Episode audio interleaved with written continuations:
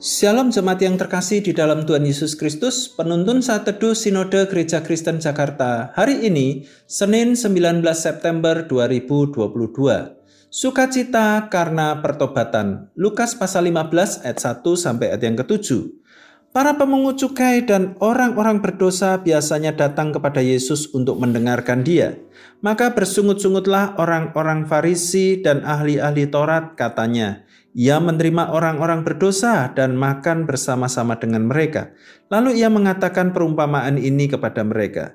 Siapakah di antara kamu yang mempunyai seratus ekor domba, dan jikalau ia kehilangan seekor di antaranya, tidak meninggalkan yang sembilan puluh sembilan ekor di padang gurun, dan pergi mencari yang sesat itu sampai ia menemukannya? Dan kalau ia telah menemukannya, ia meletakkannya di atas baunya dengan gembira, dan setibanya di rumah, ia memanggil sahabat-sahabat dan tetangga-tetangganya, serta berkata kepada mereka, Bersukacitalah bersama-sama dengan aku, sebab dombaku yang hilang itu telah kutemukan. Aku berkata kepadamu, demikian juga akan ada sukacita di sorga karena satu orang berdosa yang bertobat lebih daripada sukacita karena 99 orang benar yang tidak memerlukan pertobatan.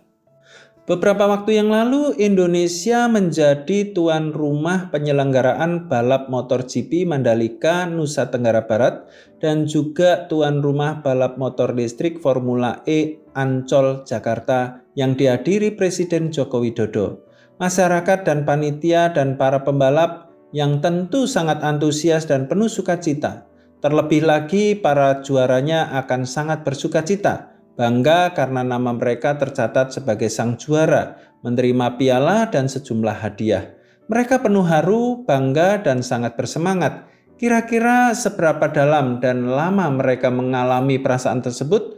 Bukankah dengan berjalannya waktu banyak para juara olahraga di berbagai bidang pada akhirnya hidup dalam keadaan yang memprihatinkan? Tema besar dalam perenungan ini adalah tentang sukacita.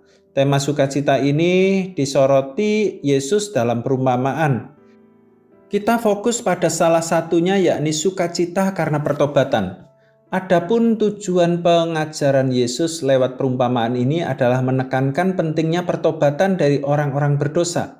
Latar belakangnya adalah ada para pemungut cukai yang direndahkan oleh orang Farisi dan ahli Taurat. Yesus menegaskan pentingnya mengasihi dan peduli pada orang-orang berdosa yang bertobat yang diumpamakan sebagai domba yang hilang.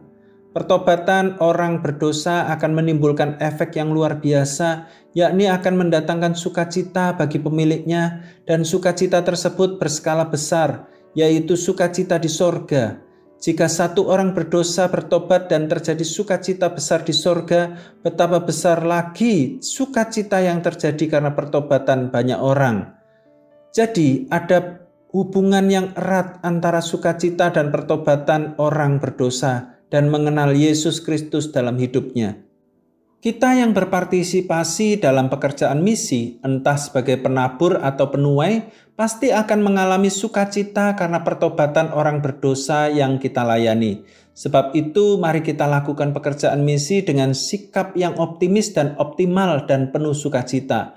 Harga yang kita bayar akan seimbang dengan sukacita yang akan kita terima saat menyaksikan pertobatan orang-orang berdosa sebagai domba yang hilang ditemukan kembali ada sukacita yang mendalam dan berskala besar terjadi di sorga. Kondisi ini pasti menyenangkan dan mempermuliakan Bapa kita di sorga. Sukacita karena pertobatan berdampak besar dan mendalam. Selamat beraktivitas, Tuhan Yesus memberkati.